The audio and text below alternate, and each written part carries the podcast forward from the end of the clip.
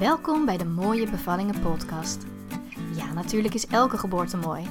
Maar toch kijken niet veel vrouwen positief terug op hun bevalling. Deze verhalen en de verhalen uit de media en films kunnen je angstig maken voor de bevalling. En angst is juist dé reden dat veel bevallingen niet zo gaan zoals er van tevoren werd gehoopt. Met deze podcast kun je je heerlijk baden in verhalen van vrouwen die wel positief op hun bevalling terugkijken. Bekrachtigende verhalen, waardoor jij vol vertrouwen gaat uitzien naar jouw bevalling. In deze podcast interview ik Ank, die tegen alle verwachtingen in zwanger raakte. Een waar geschenk. En wat ik ontzettend bijzonder vind, is dat Ank tijdens haar zwangerschap naar de Mooie Bevallingen podcast luisterde, om zich mentaal zo positief mogelijk voor te bereiden op de bevalling. En nu deelt ze haar eigen verhaal met ons. Zo is de cirkel mooi rond en zo draagt zij ook bij aan het verspreiden van een positief geluid in bevalland. Nou, welkom bij de Mooie Bevallingen podcast. En vandaag interview ik Ank. Uh, wil jij jezelf voorstellen, uh, vertellen wat je doet in het dagelijks leven en uh, hoeveelste kindje je hebt gekregen? En dan ook heel globaal, hoe heb je nou die bevalling ervaren? Ja, dat wil ik. Mijn naam is Ank, ik kom uit Den. Ik ben nu 42 en ik ben vlak voor mijn, twee weken voor mijn 42e verjaardag ben ik mama geworden van Loet, ons eerste kindje. Um, uh, daar ga ik zo meteen meer over vertellen. Ik, doe, uh, ik zit in de marketing en dat heb ik eigenlijk altijd in loondienst gedaan en nu doe ik dat freelance. Voor in dit geval een musical, waar we nu mee van start mochten eindelijk, na de coronaperiode. En ehm, ja, mijn achtergrond is eigenlijk copywriting, daarmee doe ik nu marketing in, ja, en nu, nu dus freelance. En we zitten op dit moment in Zeeland. Dit is niet ons huis. We zitten in een huisje in Zeeland. We hebben een weekje vrij. En ja, een weekje lekker even ontspannen met het gezin. Lekker. Ja. Ja, wat hebben, je, hebben jullie al een lekkere week gehad? Het weer was deze week ietsjes minder dan mm. de weken ervoor. Nee, dat is wel uh, een gevolg van, van ZZP'er zijn ook. Dat gaat natuurlijk gewoon door. Dus vorige, twee weken geleden waren we hier ook. En toen heb ik heel veel gewerkt, deze week ook nog wel wat. Uh, maar goed, het weer valt een beetje tegen. Gisteren was een hele mooie dag. En toen hebben we lekker aan het, echt heerlijk aan het strand gezeten. Ik heb zelfs nog gezwommen. En uh, oh, ja, dat was echt heel fijn. Ja, ja. ja, het is gewoon ook gewoon goed om eventjes uit je omgeving te zijn. Dat zal iedereen wel herkennen. Dat je gewoon niet de was gaat doen of uh, dingen die er allemaal nog liggen. Dat je gewoon echt even eruit bent. Dat is wel heel fijn. Ja. ja. Nou, fijn dat je in ieder geval nu even de tijd hebt om ja, om dit interview te doen. Ja. Uh, we gaan het dus hebben over jouw bevalling. En je hebt die als mooi ervaren. Vertel eens eventjes, ja, um, ja hoe, hoe kijk je daarop terug? Nou, dat was eigenlijk wel een gedroomd uh, geboortescenario, zou ik ze willen zeggen. Uh, ja, ik snap dat je daar... Je kan natuurlijk heel veel aan voorbereiden, mentaal. Eh, ook wel praktisch kun je dingen doen ter voorbereiding. Al is het maar dat je jezelf gewoon goed informeert. Maar er is natuurlijk altijd gewoon ook geluk nodig. Wil je dat, dat het loopt zoals je wil? Want je hebt lang niet alles in de hand. Dus heel veel meer denk ik dat je niet in de hand hebt dan wel. Maar um, we hadden het geluk dat het gewoon ging zoals we wilden. En, en dat waar we wel invloed op hadden, daar hebben we gewoon best wel wat uh, energie in gestoken. Uh, op een leuke manier. Uh, het feit dat ik zwanger werd, was sowieso tegen de medische wetten in. Dus dat was eigenlijk al een hele grote verrassing dat mijn vriend geen kindjes kan maken, was, was altijd het idee. En wij kennen elkaar ook nog niet zo lang. Ja, het feit dat ik, uh, ik... Ik heb ooit besloten dat ik misschien het alleen wel wilde gaan doen toen ik nog geen relatie had en al eventjes alleen was. Ik, zou veer, ik werd 40 en toen had ik, heb ik besloten om de liefde en, en de kinderwensen uit elkaar te halen, zeg maar. En ik dacht, nou, ik ga het misschien wel alleen doen.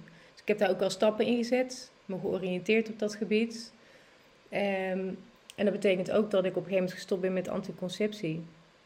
Omdat ik wist van nou, ik ga dit misschien wel echt doen. Dan is het handig dat mijn lijf in ieder geval schoon is van uh, hormonen. Uh, en ik had toen het idee, ik ga, ik ga een donor zoeken.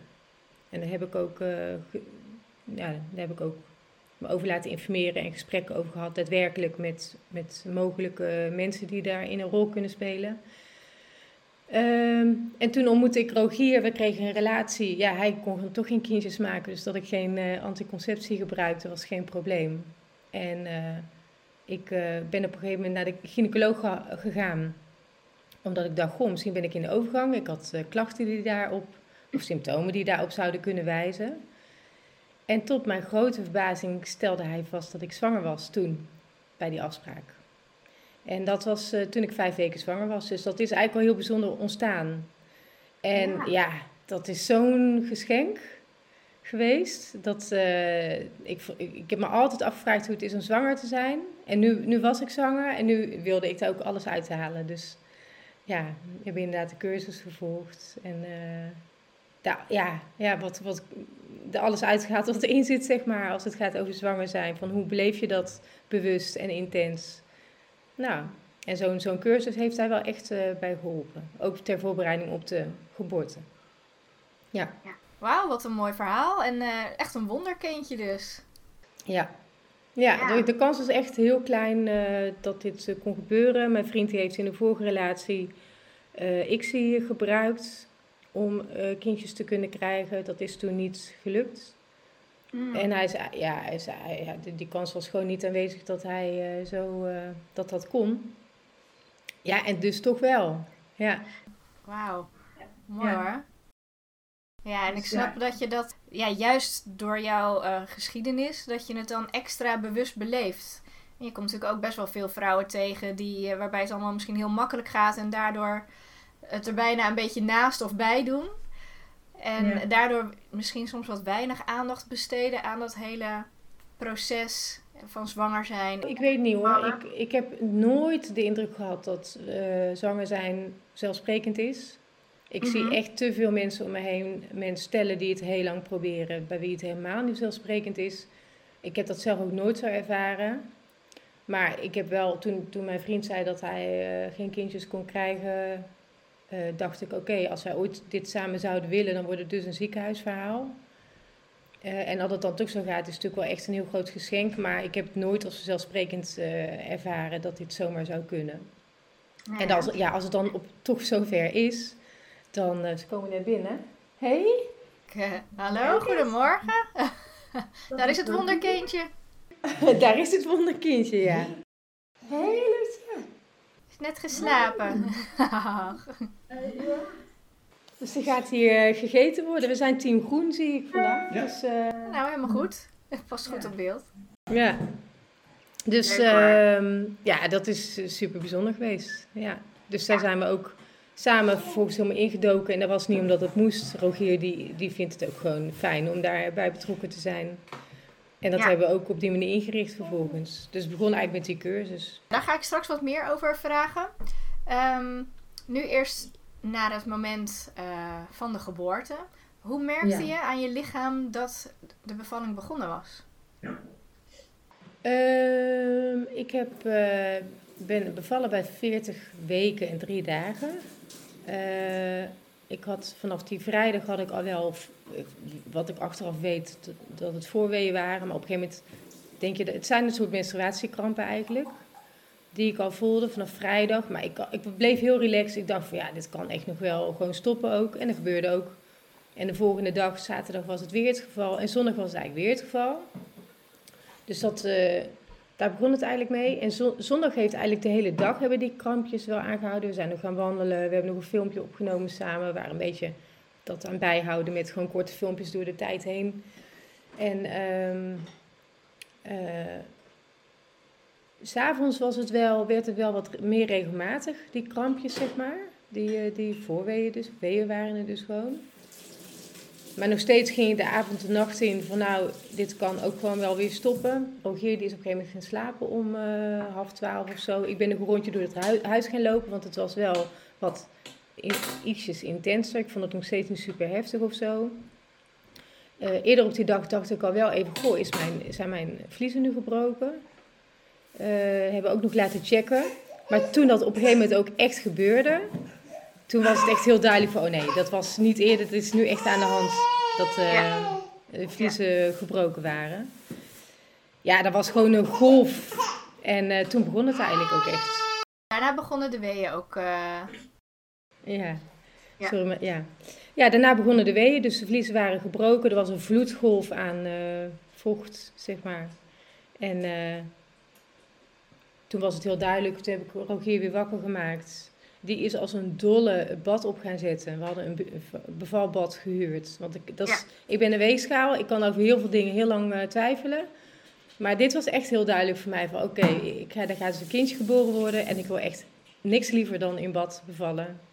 Ehm, dus, dus Rogier is toen ehm, het bad gaan oppompen. We hadden al een keer droog geoefend, maar die is dat gaan doen. En ik ben op de wc, ik had het gevoel dat ik daar moest zijn of zo, ehm, die weeën op gaan vangen. En eh, ja, ja. En de verloskundige is toen gekomen, die heeft gecheckt. Eh, en dat bleek al heel snel heel ver te zijn. Een heel ver stadium, die ontsluiting. Mhm. Dus, eh, Mhm. dus dat was heel fijn. En ik Ja. kon eigenlijk net op tijd in bad. Ja, oké. ja. Dus als ik het goed begrijp, heb je totdat het bad was opgezet, een beetje op de wc gezeten om de weeën op te vangen? Ja, ik had het gevoel dat eh, ik naar de wc moest. Ik had het, ja, waarom eigenlijk? Ik weet eigenlijk niet waarom dat ik eh, die plek heb gekozen. Ik had het gevoel dat ik misschien moest plassen of zo. Of dat er iets uit... Ja, dan, natuurlijk moest er iets uit, maar dat was een... Ik weet niet, het was geen bewuste Ja. keuze geweest, maar... Daar ben ik gewoon naartoe gegaan. En uiteindelijk is dat ook de plek geweest waar ik de wee heb opgevangen. Dat is misschien het enige, echt het enige, dat ik anders had gewild. eh, gezien, liever anders had gezien achteraf. Namelijk dat ik eh, het hele weeën opvangen ook liever in bad had gedaan. Maar dat ging uiteindelijk zo snel. Ja. Eh, het plan was natuurlijk dat ik dat ook in bad zou opvangen. En, maar ja, ik, ik dacht eigenlijk tot een heel laat moment van, nou, dit kan ook gewoon weer stoppen, die weeën. Totdat de vliezen braken. En er zat ook wel bloed bij, dus ik eh, dacht, goh, het is wel een goed moment om eventjes de verloskundige te laten komen kijken. Die is toen Ja. geweest en die is gelijk teruggegaan naar de auto om de spullen te pakken. Want die constateerde dat ik toen al eh 8 centimeter ontsluiting had. Dus Ja. dat was heel fijn. Want eh, toen de weeën wat heftiger waren, toen dacht ik wel van, oh god, als, ik dit, als dit is wat ik tien uur lang of zo moet volhouden, dan wordt het wel heftig. Maar toen was ik eigenlijk wel heel aardig op weg. Dus die, die, dat moment dat jij eigenlijk dacht, nou het is nog niet echt begonnen, het zijn nog wat krampen, het wordt wel ietsjes heftiger. Dat waren eigenlijk al die ja, openings- of ontsluitingsweeën. Ja. En eh, op het moment dat je vliezen braken, was het eh, wellicht al in die, ja, dat noem ik dan de oerkrachtfase. Waarin het allemaal Ja. net wat heftiger wordt. En eh, dat vrouwen vaak ook inderdaad roepen van, oh ik zie het niet meer zitten. Dan zit je vaak al rond die 8 centimeter ontsluiting. Nou, dat had ik, ik heb dat eigenlijk niet echt gehad. Dat ik dacht, ik kan het niet meer of ik zie het niet meer zitten. Ik dacht wel, Mhm. goh, als dit is wat ik heel lang moet volhouden, wordt het wel eh, Ja. echt wel pittig. Ja. Ehm, ik vind het zo typisch, want ik heb natuurlijk, maar ook, ik heb wel eens aan vrouwen gevraagd, hoe voelt dat nou een wee? Ik wist niet zo goed wat ik me ervoor voor moet stellen. Het is, het is ooit omschreven als een, een eh, sterke menstruatiekramp, maar dat is het toch ook weer niet. Ik vond het heel erg als overgeven voelen, eigenlijk, maar dan naar onder toe. Het is een, het is dat, als je moet overgeven, dan eh, gebeurt er ook iets in je lijf wat je niet kan tegenhouden. Is gewoon een, dat moet eruit gewoon. En dat gebeurt naar beneden toe eigenlijk ook. Dat vond ik, dat vond ik, daar vond ik het heel erg mee vergelijkbaar. Daarom moest ik ook naar de wc, denk ik. Omdat ik voelde, ja, ik weet niet wat er gaat gebeuren, maar ik, ik kan dit niet tegenhouden. Ja. Dit was gewoon wel, eh, wel eh, heftig. Of heftig, ja. Het was echt een oer, een oer iets wat op gang komt in je lijf. En eh, de verloskundige heeft ook snel gezien dat dat was wat er aan de hand was. Dus die heeft de spullen gepakt en is gelijk weer teruggekomen. En Ja. heb jij nog een bepaalde techniek gebruikt om die weeën op te vangen? Ja, ik heb ehm, eh, me als voorbereiding uiteraard in die cursus eh, ook gefocust op ademhaling. De, en ook de verschillende fases daarin en de verschillende soorten ademhaling die daarbij horen. Maar ik kan me eigenlijk niet herinneren. Weet jij dat nog? Heb ik dat? Ik heb niet echt eh, bepaalde ademhaling aangehouden volgens mij. Nee, we hebben dat wel geleerd. Ja. Eh, Ik, ja. En tijdens de geboorte uh, hielp ik jou er dan aan herinneren. Nou, we hebben, we hebben dus wel tijdens die geboorte hebben we het er wel over gehad. Ja, ja. Wel naast jou gestaan en van uh, denk aan je ademhaling. En, ja. Ja. Ja, dat hebben we wel gedaan hoor. Ja, maar ik kan me niet. ik, ja, op het laatst zit je in zo'n bubbel. Toen ik uiteindelijk in bad mocht met 10 centimeter ontsluiting, kon ik dus van het bed naar het bad. Ik heb de laatste 2 centimeter heb ik opgevangen op bed, op aanraden van de verloskundige. Die heeft me van de wc gehaald en die heeft me op bed gelegd mm -hmm. voor die laatste 2 centimeter. Toen mocht ik dus uh, in bad, want het bad was gelukkig ook net op tijd klaar. En toen, uh, ik geloof dat ik uh, op bed en ook wel op de wc wel een bepaalde ademhaling heb aangehouden. Maar ik moet eerlijk zeggen, je zit in zo'n, ik zat in zo'n bubbel dat je gewoon meer aan het het is eigenlijk niks anders dan dat. Ik, dat, is, dat is het enige wat ik, uh, wat ik, waar ik mee bezig was. En ik heb wel dingen om me heen geregistreerd. Dus ik denk dat ik wel bepaalde technieken heb, heb toegepast. En maar zeker bij persen, dan heb ik gewoon geluisterd naar de verloskundige ook weer. En het was niet puffen, dat heb ik eigenlijk helemaal niet gedaan. Echt puffen, ja. nee. Nee, ik heb wel, ben wel gewoon rustig gebleven volgens mij, ja. Eigenlijk heel intuïtief heb jij gewoon aangevoeld. Ja, ja dat was het eigenlijk. Ja, ik heb gewoon laten gebeuren. Ik had er ook vertrouwen in. En dat, dat mentale is denk ik heel belangrijk. Uh, ik ben dus thuis bevallen voor de goede orde. Um, maar een van de dingen die ik in die cursus heb geleerd was ook dat als, als je zelf veel vertrouwen hebt en, en er is vertrouwen en er is gewoon ontspannenheid, dan is de kans op een uh, fijne geboorte is zoveel groter dus daar heb, ik, daar hebben we heel erg op gefocust. Hoe wil je graag dat zo'n bevalling eruit ziet? En uh, uh, ja, ik had er ook niet zoveel angst voor. Ik denk, dit, dit gaat gewoon wel lukken. En zo ging het ook. Ja. Hoe lang duurde het uiteindelijk dat je vanaf het moment um, ja, dat die krampen begonnen totdat je volledig ontsluiting had? Hoeveel uur heeft dat geduurd? Nou, mijn, uh, even denken, mijn vliezen zijn gebroken om half één, geloof ik volledige ontsluiting. Ik denk dat ik. Ik denk dat ik rond een uur of uh, twee of zo. Ik heb er volgens mij een uur in het bad gezeten. Nee, nog wel langer, want daarna ook. Ik heb twee uur in het bad gezeten. Ik heb een uur geperst, denk ik. Mm -hmm. Uh, en ja. hoe, wat was jouw vraag? Hoe lang heeft het geduurd voordat ik volledige ontsluiting ja, had? Ja, dus echt de ontsluitingsweeën, hoeveel uur heeft dat uh, geduurd? Ja, ik heb dus...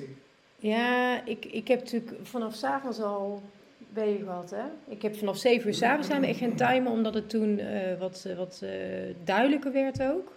Maar ik vond het nog ja. steeds wel een soort van menstruatiekrampen, als ik het zo moet omschrijven. En om half één braken mijn vliezen en ik denk dat een uur, anderhalf uur daarna zat ik op 10 centimeter. Dus uh, ik, ja, als ik de hele avond moet meetellen, is het wel lang misschien. Maar ik vond dat niet zo heftig.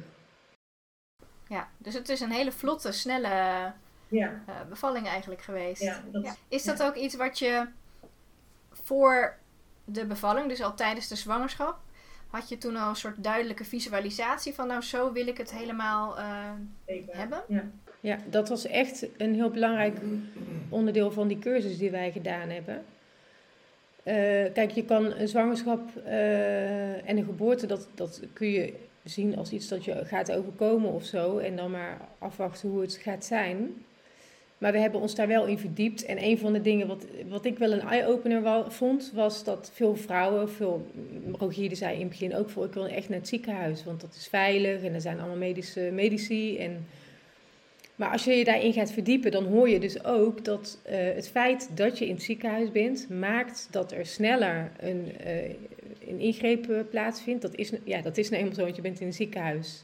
Dus misschien omdat mensen daar ook wat meer op de tijd zitten, dat daar misschien wat eerder ook besloten wordt tot een ingreep.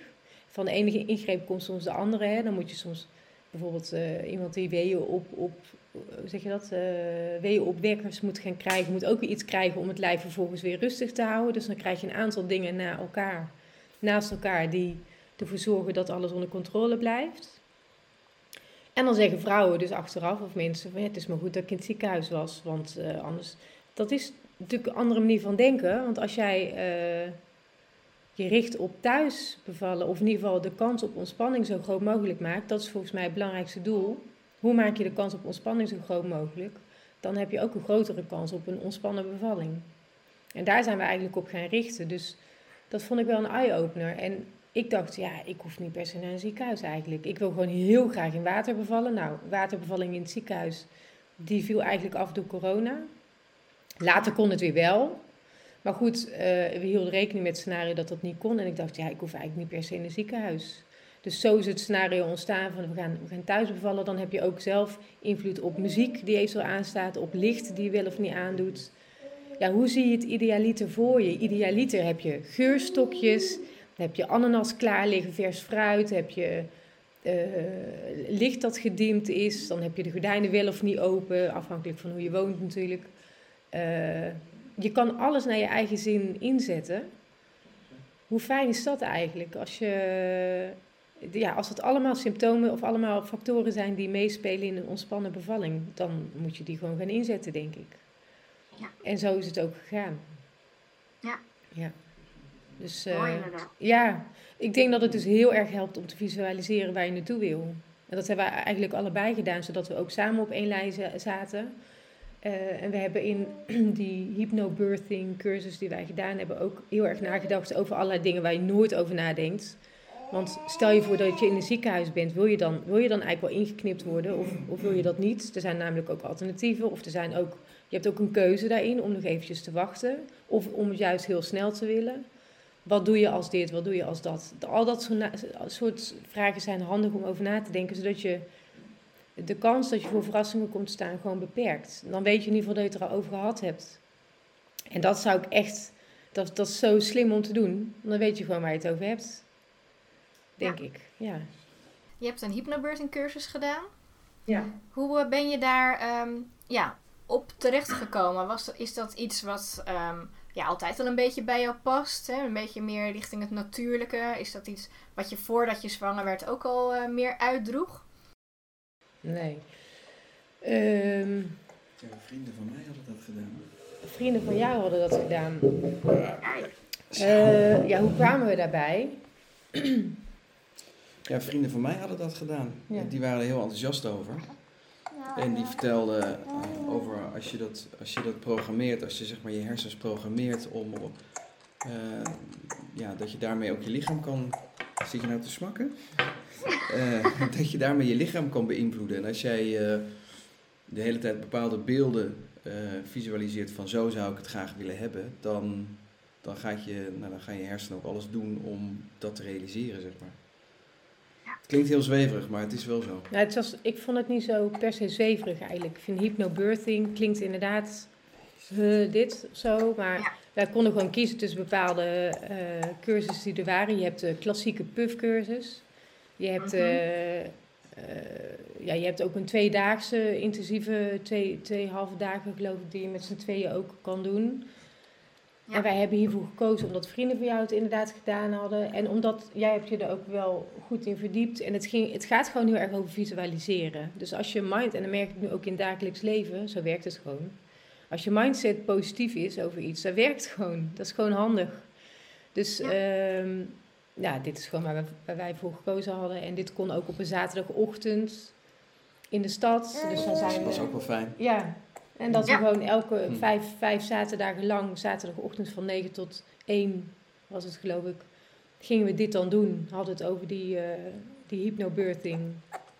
En daarna gingen we lekker lunchen in de stad. Dus het werd ook een soort ritueel wat we echt met z'n tweeën gedaan hebben. Dus het alles ja, eromheen was ook gewoon heel leuk. Klopt. Ja. Ja, ja het is fijn dat je dat met z'n tweeën kan doen. Hè? Dat is echt een uh, cursus die, uh, waarbij je met z'n tweeën voorbereidt op de geboorte van het kindje. In plaats van hè, dat alleen de vrouw naar een cursus gaat en dan mag de man soms een keertje mee om, uh, om een keer mee te puffen. En vaak gebeurt, zijn die mannen er dan met tegenzin. Ja, nou dat is helemaal niet zo nee. voor jou. Ja. Nee. Dus dat was wel echt heel leuk. En dat, dat, maar dat is ook wel een element wat natuurlijk maakt dat het goed is verlopen allemaal. En jullie stonden daar ook allebei eh, gelijk achter van nou dat wordt de cursus die, uh, juist omdat dat ook met z'n tweeën is? Ja, er was zelfs nog wel iets meer vanuit jou dan vanuit mij. Ja, ik moest Anke nog een beetje overtuigen dat dat wel een goed idee zou zijn. Ja, ik dacht, ja, hypnobirthing is zo alternatief of zo. Ik ben best wel nuchter volgens mij. En dan ga je zoiets doen. Maar hypnobirthing is niks meer. En heel, heel belangrijk dus, dat je visualiseert wat je graag wil. En dat helpt. En het laat je gewoon heel goed, heel goed nadenken over allerlei keuzes die je hebt, waarvan je heel vaak niet weet dat het keuzes zijn. Hè, want als je in een ziekenhuis bent, dan ben je zogenaamd overgeleverd aan hoe men daar zegt dat het moet. Waarmee ik niet zeg dat je moet gaan verzetten ertegen, maar het is wel goed dat je weet dat bepaalde dingen gewoon keuzes zijn. En als je dat Ja. niet weet en je, gaat je laat je erin meenemen, dan valt er ook niks te sturen. Dus ik denk dat dat echt heel waardevol is geweest aan zo'n zo'n cursus. Weet gewoon eh, welke keuzes je hebt. Ja. Rechten en mogelijkheden. Dat is iets waar ik ook Ja. altijd erg op hamer. Ja, ja. En dat, dat bewustzijn is er nog niet erg. Ja, dat komt gelukkig wel steeds meer. En vroeger was het Ja. natuurlijk, eh, de dokter staat boven jou en jij moet luisteren naar de dokter, want zij hebben ervoor geleerd. En eh, gelukkig zien we dat mensen toch steeds meer een beetje zelf gaan nadenken. Ja, Van, Ja. ja, ja maar wacht eens even. Ja. Eh, waarom is dat dan? En eh, waarom wordt dit gedaan? Waarom wordt dat gedaan? Nou, Ja, en ik, ik heb daarin ook wel gemerkt. Ik, ik bedoel, het begon natuurlijk met het feit dat wij tot onze verrassing eh, zwanger waren. En het eerste wat jij zei, van, ja, ik wil zeker naar het ziekenhuis. Maar ik had ook een moeder die dan graag wilde dat wij naar het ziekenhuis wilden. En een schoonmoeder die daar heel duidelijk over was. Je moet echt in het ziekenhuis. Want dat, dus je hebt ook best wel nog wat... Ja, als je daar een duidelijke visie op een gegeven moment over hebt. Je hebt ook nog wel wat mensen om je heen die je daarin soms moet meenemen. Van nee, we gaan het gewoon zo doen. En eh, dat ik echt wel eens gedacht heb van ja, maar hallo, ik ga nu toe bevallen. Ga, ik ga nu toe besluiten eh, in goed overleg. Eh, en met research zeg maar hoe we dit eh, het liefst zouden willen doen. En ik ben heel blij dat we het zo gedaan hebben. Ook op zo'n manier dat achteraf die mensen zeiden... Ja, dit is wel echt heel mooi geweest dat het zo is gelopen. En wat gaaf dat het eh, zo heeft mogen gaan ook. Ja, Want je hebt ook Ja. gewoon geluk nodig natuurlijk. Ja. Ja. Dus wilde ik inderdaad vragen. Zijn die mensen dan nu ook een soort van... eh, Ja, die, eh, ja, die zijn wel verrast, denk ik. Ja. En eh, kijk, je neemt ze natuurlijk ook mee. Hè. Het is niet zo dat je ze op één moment spreekt en pas later weer. Ze, ze zijn natuurlijk ook gewoon betrokken geweest in alle keuzes die we erin gemaakt hebben. Dus je merkt wel dat ze daarin bijdraaiden en dat ze natuurlijk eh, ons ondersteunen en eh, steunden in alle keuzes die we daarin gemaakt hebben. En natuurlijk ook heel blij zijn dat het zo is gelopen zoals ze graag wilden. Ehm, maar daar, is wel, daar wordt dan met bewondering naar gekeken, denk ik, dat het zo gegaan is. En het zijn Ja. vanuit hun natuurlijk ook ja, adviezen vanuit liefde. En dat ze bezorgd zijn om jullie. Ja, En dan, Ja. eh, het is allemaal in principe goed bedoeld. Ja, ja. Dat, en dat zie ik ook. Dat, dat Ja. zie ik ook wel. Alleen, eh, Ik denk dat het vaak ook ingegeven is toch door, door angst. Zeker. Ja. Ja, natuurlijk. Dat er iets kan gebeuren. hè, Dat, eh, ja, daar kiezen veel mensen toch voor om zo... eh, nou, en het, eh, inderdaad, het overlaten aan de, aan de wetenschap, die snap ik ook wel. Maar als je gaat uitleggen vanuit, als, als de, de vrouw eh, ontspannen is, kan zijn, en die, je maakt de omstandigheden, eh, ga je erop aanpassen dat je ontspannen kan zijn, dan is het logisch dat je ontspannen bent tijdens de geboorte. Dus als je, als je daarin gaat, daarop gaat focussen, dan wordt het bijna logisch dat je dus in mijn geval in ieder geval kiest voor een thuisomgeving en een bad bevallen. En eh, ja, nou ja, als je daarover gaat hebben met mensen, dan snappen ze het ook wel. Ja, dat is dan misschien wel een goede keuze om het zo te doen. Ja. Ja. Het stukje, wat we waren gebleven, het stukje dat je mocht gaan persen. ja. En toen ben je in bad gaan zitten. In welke Ja. houding was je toen? Nou, het is wel zeker niet één. Een van de dingen die ik ook geleerd heb is dat, en dat is iets uit de oudheid, dat je gewoon als vrouw het best op je hurken kan zitten. Dus, dus, en ook de zwaartekracht eh, mee kan laten werken. Wat je vaak ziet in, in films is, zijn die persende, schreeuwende vrouwen liggend op een eh, Mhm. ziekenhuisbed. Dat is echt achterhaald. Waarmee ik ook tegelijkertijd niks wil afdoen aan vrouwen die graag zo bevallen. Want dat is ieders keuze. Maar eh, van oudsher is het zo dat je dus eigenlijk zittend of verticaal eh, het beste kan bevallen. Want dan werkt de zwaartekracht mee. Dan hoeft een kindje niet een hobbel nog over in je lijf.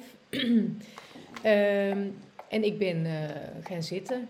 in bad. Maar ik heb ook op mijn handen en mijn knieën gezeten. Zo'n bad is natuurlijk heel fijn om overheen te hangen. Ik heb verschillende houdingen aangenomen. En jij hebt mij ondersteund met, uh, met, uh, met ademhaling. We hadden ook een fotograaf, die heeft het allemaal vastgelegd. Dus, uh, dus dat, dat zie je ook allemaal mooi terug, die momenten. Dat is ook sowieso een aanrader, een fotograaf, vind ik. maar verschillende houdingen. Ja, En, en, dan is water gewoon heel fijn, zowel voor mij als voor die kleine toen hij geboren werd. Heb je zelf ook het kindje kunnen aanpakken onder water? Of je partner? hebben jullie dat samen gedaan? We hebben ja, samen, samen gedaan. Op een gegeven moment ben ik in bad gesprongen ook. Ja, dat wil ik ook nog vragen. Ben jij ook in bad geweest? Ja, ik ben op een gegeven moment ook in bad gesprongen. En, uh, en toen kwam op een gegeven moment, ja, het komt, als het allemaal goed gaat, komt eerst het hoofdje. En toen hadden we samen het hoofdje beet. Ja, en dan, dan uh, dat is zeg maar de grootste hobbel die je moet nemen. En toen, kwam hij, uh, toen werd hij geboren. En toen hebben we hem nog onder water gehouden. Hij zit heel goed mee te luisteren. hebben we hem onder water gehouden. Uh, want dat kan, hè? Want hij krijgt natuurlijk zijn zuurstof via de... Um, navelstreng. Via de navelstreng, ik was even het woord kwijt. Ja. Um, dus je kan hem gewoon onder water houden en dan blijft, dan krijgt hij nog steeds zuurstof. En op een gegeven moment uh, keek hij, opende hij zijn ogen onder water en toen keek hij ons aan. En, uh, en dat was toch wel heel bijzonder. En toen hebben we hem langzaam boven water gehaald. Als een soort tweede geboorte. Dat zie je ook heel mooi terug op de foto's. Dat hij, ja, mooi. Ik denk dat hij uh, een minuut of, ik weet niet, twee minuten of zo. Ja, een paar minuutjes. Een paar minuten is hij nog onder water geweest. Dus dan ben je eraan dat je kindje is geboren. Dan, dan is hij daar dus in zijn geheel. Hij zat natuurlijk nog aan mij vast. Het schijnt zo te zijn, als een kindje eenmaal met iets van zijn lijfje boven water is geweest, dan wordt er iets geactiveerd waardoor hij zeg maar gaat ademen, normaal gaat ademen. Of echt gaat ademen. Dus dat hebben we heel eventjes laten duren. Dat was heel sereen. Dat was gewoon heel mooi. Dat ze samen in het bad zaten. En dat hij er was. En dat hij inderdaad zijn ogen opende. En uh, nou, op een gegeven moment was dan het moment dat we besloten... we gaan hem nu naar boven halen. En dan op de foto zie je heel mooi terug... dat zijn hoofdje boven het wateroppervlak uitkomt. En uh, ja, dat, is super, dat was gewoon heel mooi. Ja. Dat, dat zou je niet anders willen. Ja, echt een hele mooie, rustige overgang is het dan zo, hè? Zodat een kindje echt kan wennen aan het leven, zo in dat warme water, in de, in de warmte van jouw lichaam, uh, naar nou ja, het leven buiten de baarmoeder. Ja. En inderdaad, in films of hè, soms kan dat er heel ruw aan toe gaan. Ja. Als je dat dan ziet en dan uh, wordt het gelijk allemaal afgedroogd of uh, er wordt best wel wild mee gedaan. Ja, dat is dan ook best wel een nou ja, harde verwelkoming op, op, op aarde of in het leven. Ja. Nou ja, als, als je je gaat verdiepen in het standpunt van een kindje, stel dat je tot zover een kindje daar be, uh, zich bewust van is, maar je wordt geboren en dan heb je dus al die tijd in een veilige womp gezeten en dan kom je buiten, zie je felle licht en allemaal gezichten en geluid. Uh, dit, dit moet voor zo'n kindje natuurlijk ook super fijn zijn. Ja, absoluut. Los, los van dat het mij heeft helpen ontspannen. En dat water volgens mij ook gewoon, uh, niet voor, dat, is, dat is ook zo, dat het uh, pijnbestrijdend werkt. En, en verzachtend. Verzachtend, ja. En je kan makkelijker allerlei houdingen aannemen. Dus ik zou echt iedereen aanraden om in water te bevallen.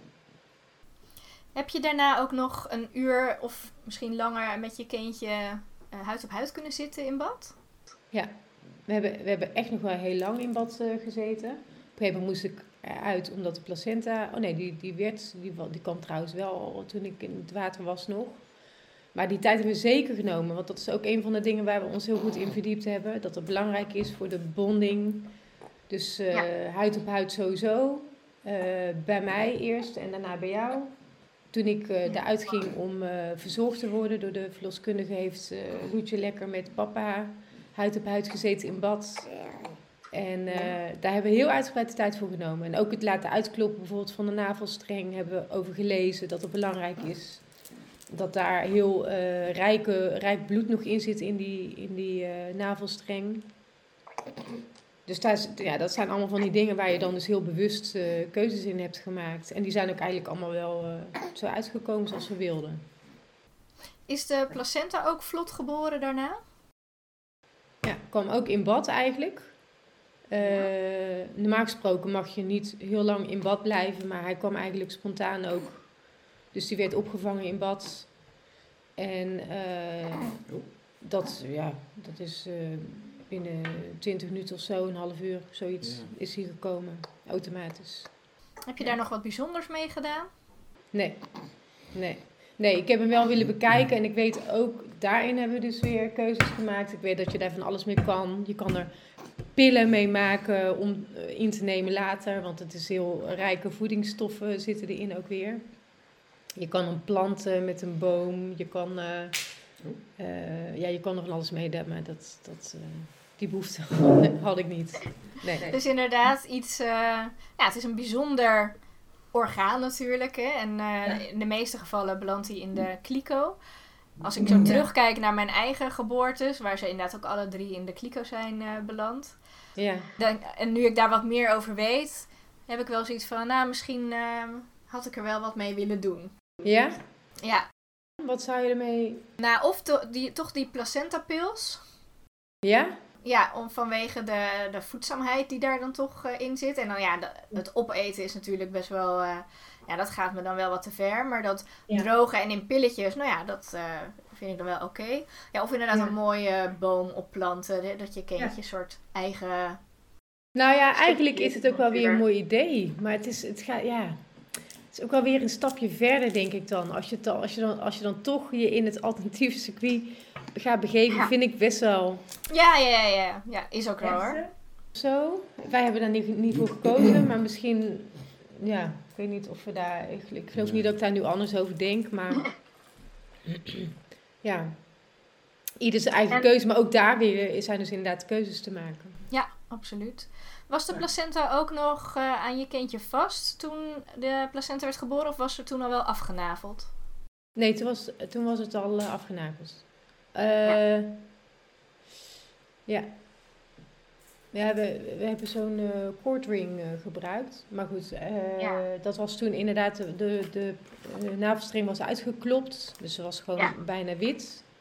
En toen eh, heb jij dat gedaan. Is die afge, met een, af, hoe zeg je dat? Afge, afgebonden met zo'n koordring. Je hebt hem doorgeknipt. Ja. En daarna kwam pas de placenta. Dus het was ook geen... eh, daar heb je ook weer keuzes in om dan de placenta daar aan te laten inderdaad. En eh, een lotusbevalling heet dat. Dit was een halve lotusbevalling, als ik eh, eh, de termen mag geloven. Ja. En ja, als het goed is, waren er drie personen bij de geboorte aanwezig? Eh, Nou, de, nee, de kraamverzorgster was er niet. Die heb ik Nee. s'nachts, denk ik, echt 40 keer gebeld. Maar die eh, Oh, technisch, ik, kwam Ja. gewoon niet door. Dus oké, bijzonder. eh, de verloskundige was er. De geboortefotograaf was er. En ik was er. Ja. En eh, ja, de kraamverzorgster niet. Nou ja, de geboortefotograaf heeft niet echt een, een actieve rol tijdens de geboorte, maar die is meer hè, Nee. voor het mooi vastleggen van. Maar ehm, wat hebben de overige personen voor jou kunnen betekenen? Je hebt eigenlijk voornamelijk steun gehad aan je man, als ik het zo goed Ja. begrijp. En de verloskundige was meer op de achtergrond ehm, aanwezig. omdat die kraamzorg niet bereikbaar was, heeft de geboortefotograaf wel een iets grotere rol gehad dan wat normaal is. Want je komt eigenlijk gewoon handjes tekort. En dat is niet. Ja. eh, het is gewoon heel fijn om nog een extra iemand bij de hand te hebben die daaromheen ook dingen kan, eh, kan doen. Dat doet, normaal. eh, dat zeg ik wel heel oneerbiedig, zo bedoel ik het niet. Maar dat doet, doet normaal natuurlijk de kraamzorg. Ja. Verloskundige is dan in charge. Nou, die was er. En dat was heel fijn dat hij er was. Maar die zei eigenlijk ook van jullie hadden het eigenlijk met z'n tweeën kunnen doen. Dat wil je niet. Maar eh, die heeft ons wel goed gecoacht, zeg maar, naar, eh, naar, naar alles en wat er op bepaalde momenten moest gebeuren. Eh, de geboortefotograaf die heeft iets meer daarin kunnen betekenen door dingen aan te reiken of, of te helpen met, met, met bepaalde dingen. Ja, ik heb heel veel steun gehad aan Rogier. Ik vond het heel fijn om het sowieso samen te doen. Ik vond het heel fijn om eh, met de verloskundige ook samen te werken. Die was gewoon heel positief in haar. eh, en die wist ook, we hebben een geboorteplan gemaakt. Dat is misschien ook niet onbelangrijk om te vertellen. Dat als je in een ziekenhuis terechtkomt, toch onverhoopt, dat je zoiets kan overhandigen aan mensen die daar dan eh, werken. En dat zij weten wat je wensen zijn. Dat het in ieder geval netjes op papier staat. En zo, geldt, zo gold het ook voor de verloskundige. Dus die wist dat wij in bad wilden bevallen. Die wist dat wij de navelstreng wilden laten uitkloppen. Ehm, Ja, en die zag gewoon dat het goed ging. Die zag gewoon dat wij op elkaar vertrouwden, dat wij een goed team waren. En dat, eh, die heeft gewoon eigenlijk vooral gecheckt of medisch alles ook eh, in orde was. Ja. Ehm, want dat, daar kun je niet zonder. Maar buiten dat ging het gewoon heel natuurlijk en heel intuïtief inderdaad. Ja. Ja, echt mooi om het samen zo als proces eh, mee te maken. Ja. En heb Ja. jij dat ook zo eh, ervaren? Dat je echt een actieve rol had in het geheel? Of dat je meer kon betekenen dan alleen handje vasthouden? Of, eh, Ja, ik denk het wel. Ik, ik heb wel ehm, alles, alles kunnen doen wat ik. Alles gedaan wat ik had kunnen doen. Eh, we zijn natuurlijk samen naar die cursus gegaan. We hebben er samen over gelezen, samen over gepraat, samen dat geboorteplan gemaakt. Ja, eh de Samen badbevalling- keuzes gemaakt. Ja, badbevalling eh, hadden we samen goed voorbereid. Ja, en toen het eenmaal zover was, eh, wist ik wat ik moest doen en hoeveel tijd ik nodig had. En eh, Ja. ja, Dat, Ja, dat eh, opzetten van het bad was nog wel even spannend. Qua, Ja, ik- qua tijd, want het ging opeens zo snel. Maar dus, ja, Ja. je moet dat bad moet je oppompen. Dan heb je verschillende ringen. Ehm, en dan heb je dus twee ringen. En dan moet je daarna moet je een zeil voor de hygiëne moet je erin leggen. En dan moet je nog een keer die laatste ring oppompen. Nou, dan ben je al gauw 20 minuten verder. Eh, en dan moet je dus met een slang die je bijgeleverd krijgt, moet je vanaf eh, de douche of wat dan ook, moet je met 38 graden of 37 graden, moet je dan dat hele bad vullen. En dan gaat 600 liter in. Dus ehm, dan ben je al even bezig. Dus dan zit je aan drie kwartier, eh, los van het vullen. Dus we hadden dat allemaal wel getimed. Dus we wisten wat we moesten doen. Maar maar je weet natuurlijk nooit hoe lang het duurt op het moment dat het echt aan het gebeuren is. Dus, Ja. eh, Ja, dus ik was al lang blij dat die tijd er was tussen het breken van de vliezen en het persen. ja, Dat, dat die tijd precies goed was voor mij om in ieder geval in bad te kunnen bevallen. ja. Ja, dus, dat, Dus, daar heb ja. zeker een belangrijke rol in gespeeld. En ook gewoon mentaal. We hebben het echt wel samen gedaan. Ja. Waren er in jullie voorbereidingen ook nog punten waar je het in eerste instantie niet over eens was? Dus waar je een beetje, nou ja, ehm, wat discussiepunten had over bepaalde dingen? ja, Nou ja. eh, eh, dat ziekenhuis. ja, precies. Ik, ik was er heel erg Mm. voor. Ehm, en en eh, ik had veel medestanders in de familie, laat het zo maar eens noemen. Ja. Ehm, maar op een van die cursusdagen werd ook gezegd van ja, weet je, de, de, de vrouw weet als geen ander, die voelt aan en die is gewoon in charge. En dat is natuurlijk wel zo. Dus toen, eh, toen heb ik het eigenlijk, eh dacht van ja, weet je, de, de, Anke, is, eh, Anke is de baas, wat dat betreft. en ehm, ja, toen, toen heb ik het wel los kunnen laten. En ehm, Nou, los kun je hebt het wel echt omarmd. ja, nou ja, dan moet je eerst los- loslaten en Ja, dan ja, ja. omarmen. Ja. Eh, maar dat was denk ik het grootste, grootste punt, denk ik wel. Ja. Ja. Nou, en ja, iets van medicatie dat een kindje toegediend kon krijgen, dat jij niet wilde dat dat gebeurde. Dat weet ik even. Zo ja, ik weet ook niet meer precies wanneer dat dan aan bod zou komen. Volgens mij als er dingen dan niet goed gaan, als dit, dan dat. En normaal gesproken krijg je dan volgens mij een shot van het een of ander. Ja, jij krijgt een shot. Prik in je been. Sorry? Prik in Ja, je been. Ja, ja. is dat een weeopwekker of zo? Nou ja, na de geboorte van het kindje eh, wordt er vaak een prik in het been gegeven om de placenta geboren te laten worden. Oh, Dat- dat was het. Ja, maar Zo, dat, weet je, ook dat soort dingen kunnen ja, we maar dan... dat, ja, klopt. Daar hebben we nog wel, want dat schijnt dan je hele eh, hormoonhuishouding te verstoren, waardoor je melkproductie minder op gang komt. Ehm, ja, dus daar was ik ook niet zo voor. Maar ja, Maar ik weet niet of dat nou echt discussie is geweest. nee. Het is echt wel... Dit was natuurlijk voor ons allebei nieuw. Dat was ook Ja. wel leuk dat het voor ons allebei nieuw eh, was. Dus alles, alle stappen op dit gebied waren nieuw. En daar hebben we het gewoon samen over gehad. Ja, En eh, ik, nee, buiten, buiten dat ziekenhuis, wel of niet bevallen in het ziekenhuis, hebben we niet echt... Nee, niet echt dingen gehad. nee. Maar het is een proces hè, waar je Ja. in gaat. Dus Ja. je hebt gelukkig maanden de tijd om het voor te bereiden. En- Ja, regelt de natuur wel goed. ja. Is jouw visie daarin dan nu ook veranderd? Dat je nu bijvoorbeeld aan anderen wel, zeg maar, het advies zou geven om thuis te bevallen? Ik zou zeggen dat ze dat moeten doen waar ze zich goed bij voelen. En, Ja. en dat wij hebben dat thuis gedaan en dat is, dat is gelukkig heel goed gegaan. Eh, je kunt tot op zekere hoogte heel veel voorbereiden. Uiteindelijk heb je natuurlijk ook een beetje geluk nodig. Maar ik denk dat je ook veel vertrouwen nodig hebt. Ja. We krijgen tijdens die cursus kregen we ook te horen van het vrouwenlichaam is gemaakt om te baren. En dat kan gewoon, hè, tussen aanhalingstekens. Dus, ehm, en als je daar met allerlei medische uh, interventies gaat komen, dat is niet altijd productief. Dat, ja, dat kan nog wel eens die hele, dat hele proces verstoren. Zonder dat je dat wilt, maar hormoontechnisch is dat nogal, uh, heeft dat nogal een effect. Ja. Dat is ook iets wat ik altijd meegeef aan, de, aan mijn klanten. Dat ze moeten bevallen op een plek waar zij zich veilig voelen. Ja. ja. En uh, nou ja, dat kan thuis zijn. Hè. Thuis voel je je automatisch veilig. Maar dat kan net zo goed ook een ziekenhuis zijn. Uh, Als jij daar juist een gevoel van veiligheid ervaart. Ja. En dan uh, is het inderdaad wel een beetje waken voor die interventies. Dus soms moet je dan net iets harder je geboorteplan verdedigen. Precies, ja. Ja, maar in principe uh, kun je daar natuurlijk ook een hele mooie bevalling beleven. Nou, en we hebben ook wel. Uh, het is helemaal niet de bedoeling om uh, te gaan boksen of zo met mensen die gewoon hier heel veel ervaring mee hebben. Het is niet zo dat uh, je moet gaan strijden of zo met mensen in het ziekenhuis. Want daar leek het af en toe wel eens op in zo'n verhaal dat het daar altijd op die manier gaat of altijd is of zo. Dat is natuurlijk niet zo. Het is alleen belangrijk dat je weet dat er, dat er keuzes zijn. En dat, je, dat je daar uh, in kunt sturen. Ja. Dus dat, dat je, als jij er zelf van overtuigd bent dat jij niet een wee-opwekker wil omdat je vertrouwen hebt op je, in je lijf, dan moet je dat gewoon lekker niet doen. Tenzij ja. er medische noodzaak is natuurlijk, maar dan wordt het een ander verhaal. Klopt. Dus echt dat onderscheid leren maken in wanneer iets noodzaak is of wanneer iets protocol of routine is. Dat probeer ik dan ook altijd een beetje ja, mensen daar bewust van te maken. Ja, dat vind ik ook echt, echt uh, een missie. Daar vertel ik dan wel graag over. Dit, dit is dan wel. Uh, ik, vind, ik vind het fijn dat mensen dit weten. Dat vrouwen dit weten, dat die keuzes er zijn.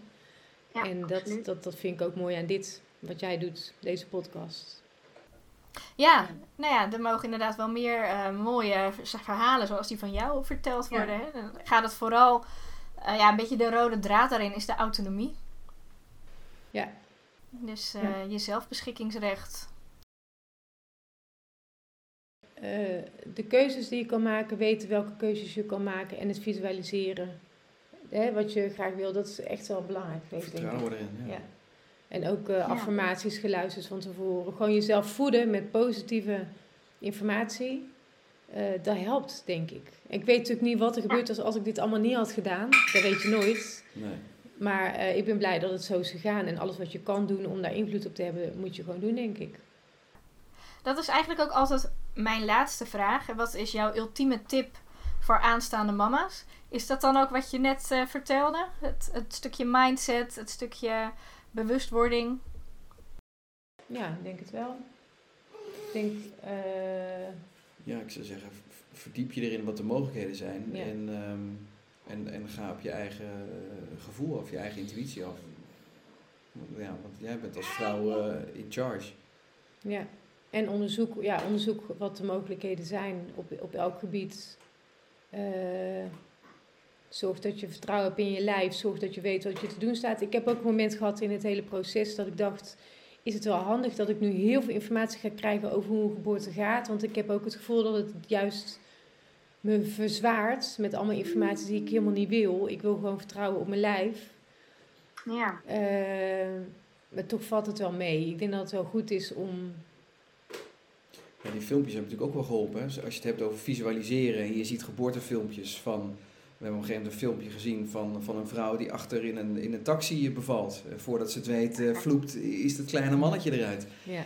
Kijk, zo kan het dus, zo kan het dus ook. En ja. Um, ja. Dat, dat, dat helpt je wel. Want vaak is het, ja. vaak is het uh, heb je van die horrorverhalen en twaalf uur lang bezig geweest. En, kan natuurlijk ook, maar dat helpt je niet in je positieve gedachten. Klopt, ja, en ik zeg ook altijd, wij zijn vanaf jongs af aan al um, geconditioneerd met een soort Hollywoodbeeld. En ook als je een, een bevalling bijvoorbeeld ziet in de media, of in een documentaire of iets dergelijks, um, of in het journaal en ze laten een plaatje zien van een geboorte, is het altijd een klinische ziekenhuissetting, soms helemaal ja. met OK-pak, dat zijn dan van die stokfoto's. Ja. ja. en dat draagt dan bij aan jouw beeldvorming van hoe jij uh, denkt dat een geboorte gaat. Ja, ja, nou er zijn gelukkig ook heel veel, er zijn heel veel geboortefotografen die ook vastleggen hoe bevallingen juist thuis uh, plaatsvinden. Um, ja, het belangrijkste is wel dat de kans op ontspanning, dat je, als je die zo groot mogelijk maakt voor jezelf, dan is de kans op een ontspannen bevalling ook gewoon groter. Hoe dat dan ook eruit ziet. Dus dat is het belangrijkste, dat is het allerbelangrijkste, denk ik. En dat maakte dus dat ik graag thuis wilde bevallen in bad. In bad zou ik ook echt iedereen aanbevelen, maar dat is heel persoonlijk. Het gaat er gewoon om dat je mindset goed is, dat je zelf voedt met positieve informatie. Dat je ook niet naïef daarin blijft, dus dat je jezelf wel voorziet van de informatie om keuzes in te maken op het moment dat je ervoor staat. Dat je er dan al over na hebt gedacht. Dat zijn allemaal uh, dingen die bijdragen aan vertrouwen, denk ik. Zoiets met vertrouwen tegemoet gaan. Ja. Dus dat, dat is het uh, belangrijkste, denk ik. Ja. Heb jij nog een tip voor aanstaande vaders? Um, nou, ik denk dat het allerleukste is als je zoveel mogelijk meedoet. Uh, ja. Ik heb nog eens horen zeggen van ja, ik kan toch niks doen. Ja, dat vind ik dus, uh, daar denk ik iets, iets anders over. -huh. um, en ik denk dat je het voor jezelf uh, ja, veel, veel bijzonderder maakt ja. door, door actief mee te doen en mee te denken. En ik vond het waanzinnig om samen ja, bij die geboorte te zijn en samen het kindje op te vangen. Ja. Dat, ja. er zijn weinig dingen in het leven, denk ik, die bijzonderder zijn dan dan dat. Ja, en ook, ook de hele aanloop ernaartoe. Ja. Sowieso, uh, het zwanger worden was natuurlijk al een wonder, maar ook die negen maanden in aanloop naar de geboorte, daar hebben we wel iets bijzonders van gemaakt. Ik had gelukkig ook een goede zwangerschap, dus het kon ook, het genieten. Ja. Maar samen zo'n cursus doen is gewoon heel leuk. En om samen te hebben over alle, ja, alle, alle fases en alle keuzes die je hebt, is gewoon heel ja. leuk. Eigenlijk de voorpret al. Ja, en Dat, uh, dat maakt het echt een soort reis of zo. Dat maakt het gewoon, uh, ja, maakt het een reis. Dat is zo goed ja. uh, gezegd, denk ik. Ja, dat is heel mooi gezegd. Ja, is er verder nog iets wat je nog kwijt wil op het laatste moment? Het is gewoon, ik, ik, vind gewoon, ik vind het goed dat er mensen zijn die dit soort verhalen kunnen horen dit draagt er ook aan bij. Ik heb zelf deze podcast ook geluisterd toen ik zwanger was. Als een van de vele dingen die ik gedaan heb om tot een ontspannen geboorte te komen. Dit draagt ook bij aan uh, beeldvorming, wat jij doet. Absoluut. En ja. uh, weet dat er ook een heleboel positieve verhalen zijn. Je hoort toch vaak de... of, of, ja, je hoort wel eens horrorverhalen gewoon. Daar moet je eigenlijk niet je energie naar sturen. Je moet ervoor kiezen ook om alleen maar positieve informatie tot je te willen nemen. Dus ik vind het heel goed. Daarom wil ik er ook graag meewerken. Ja, nou super fijn. En ik vind het ook heel bijzonder om te horen dat ja, deze podcast ook juist heeft bijgedragen aan jouw verhaal. Ja. En dat je dan nu weer hier eh, mag uh, komen vertellen. Teruggeven ook. Super, ja. Uh, ja, vind ik heel bijzonder. Dus dank je wel daarvoor. Ja, jij dank je wel. nou ja, ik vond het heel mooi om te horen hoe het allemaal hoe het gegaan is. Het was volgens mij een hele mooie, serene ja, verwelkoming van jullie kindje. Ja. En dat, uh, ja, zo zien we het maar graag natuurlijk. Inderdaad. Oké, okay, dankjewel. Ja, jij dankjewel. Bedankt voor het luisteren naar de Mooie Bevallingen podcast. Kijk voor nieuws en tips op mijn Instagram, Esther Koppelaar Geboortecoach of Elements of Bird. En wil jij ook zo'n mooie bevalling beleven? Neem dan eens een kijkje op www.elementsofbird.nl